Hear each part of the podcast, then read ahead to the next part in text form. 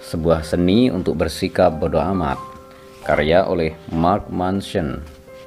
Kita memasuki episode ke-8 atau bab 2 bagian 4. Emosi dinilai terlalu tinggi. Emosi berkembang untuk satu tujuan spesifik, membuat kita hidup dan membuat sedikit lebih baik, dan itu saja. Emosi adalah mekanisme umpan balik yang mengatakan kepada kita apakah sesuatu itu sepertinya benar atau salah untuk kita, tidak kurang, tidak lebih. Seperti halnya rasa sakit akibat menyentuh kompor yang panas, mengajari Anda agar tidak menyentuhnya lagi. Kesedihan karena kesepian mengajari Anda untuk tidak melakukan hal-hal yang membuat Anda merasa sangat kesepian lagi. Emosi hanyalah sinyal biologis yang dirancang untuk mengarahkan Anda ke perubahan yang bermanfaat. Tolong pahami, bukan maksud saya untuk memantik krisis paruh baya atau Anda atau fakta bahwa ayah Anda yang pemabuk mencuri sepeda Anda ketika Anda masih 8 tahun dan Anda masih belum dapat melupakannya. Tapi ketika itu terjadi pada Anda, kemudian Anda merasa sedih, itu karena otak Anda berkata bahwa di situ ada sesuatu masalah yang belum tersentuh atau tidak terselesaikan. Dengan kata lain, emosi negatif adalah suatu panggilan untuk bertindak. Ketika Anda merasakannya, itu karena seharusnya Anda melakukan sesuatu. Emosi positif sebaliknya merupakan imbalan atas tindakan yang tepat. Ketika Anda mulai merasakannya, hidup akan terlihat sederhana dan tidak ada hal lain yang layak dilakukan selain menikmatinya. Dan seperti hal-hal lain, emosi positif pun akan berlalu seiring datangnya masalah-masalah baru. Emosi hanya sebagian dari persamaan dalam kehidupan kita, bukan seluruhnya. Hanya karena sesuatu terasa enak, tidak berarti itu baik. Hanya karena sesuatu terasa tidak enak, bukan berarti itu buruk. Emosi hanya pelang penunjuk jalan, anjuran yang disampaikan neurobiologi dalam diri kita, bukan perintah. Karena itu, sebaiknya kita tidak langsung mempercayai emosi kita sendiri.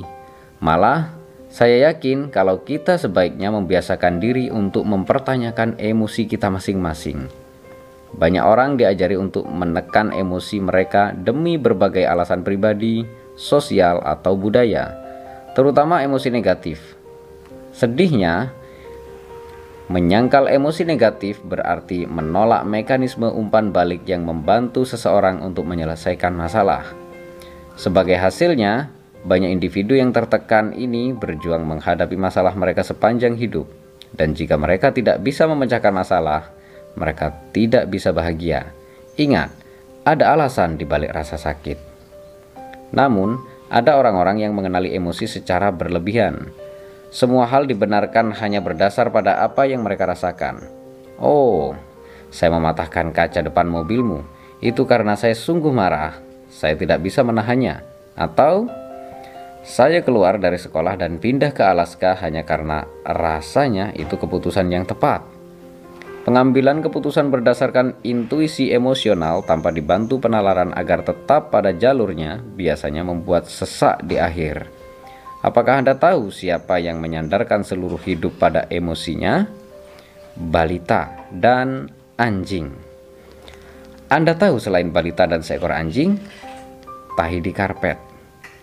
Obsesi dan perhatian yang berlebihan terhadap emosi akan menggagalkan kita karena alasan sederhana yaitu bahwa emosi tidak kekal. Apa pun yang membuat kita bahagia hari ini tidak akan membuat kita bahagia lagi esok. Karena biologi kita selalu membutuhkan sesuatu yang lebih, fiksasi terhadap kebahagiaan secara niscaya akan meminta kita untuk tiada habisnya mengejar sesuatu yang lain.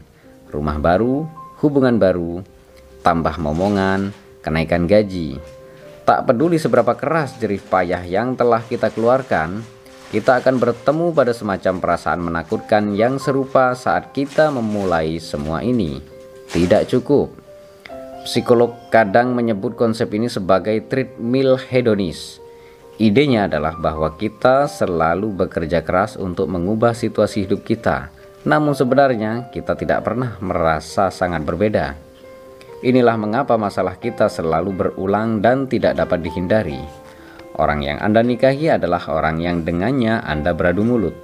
Rumah yang Anda beli adalah rumah yang Anda perbaiki. Pekerjaan idaman yang Anda miliki adalah pekerjaan yang membuat Anda stres. Setiap hal didapat melalui sesuatu pengorbanan. Apa pun yang membuat kita merasa nyaman, tak dapat disangkal, juga akan membuat kita merasa buruk. Apa yang kita dapatkan adalah apa yang kita lepaskan. Apa yang menciptakan pengalaman positif kita akan menentukan pengalaman negatif kita. Ini adalah pil pahit yang sulit ditelan. Kita menyukai ide bahwa ada beberapa kebahagiaan yang pada akhirnya dapat dicapai.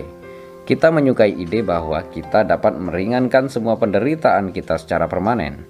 Kita menyukai ide bahwa kita dapat merasa penuh dan puas dengan hidup kita selamanya tapi kita tidak mampu. Terima kasih dan bersambung ke episode 9 atau bab 2 bagian 5.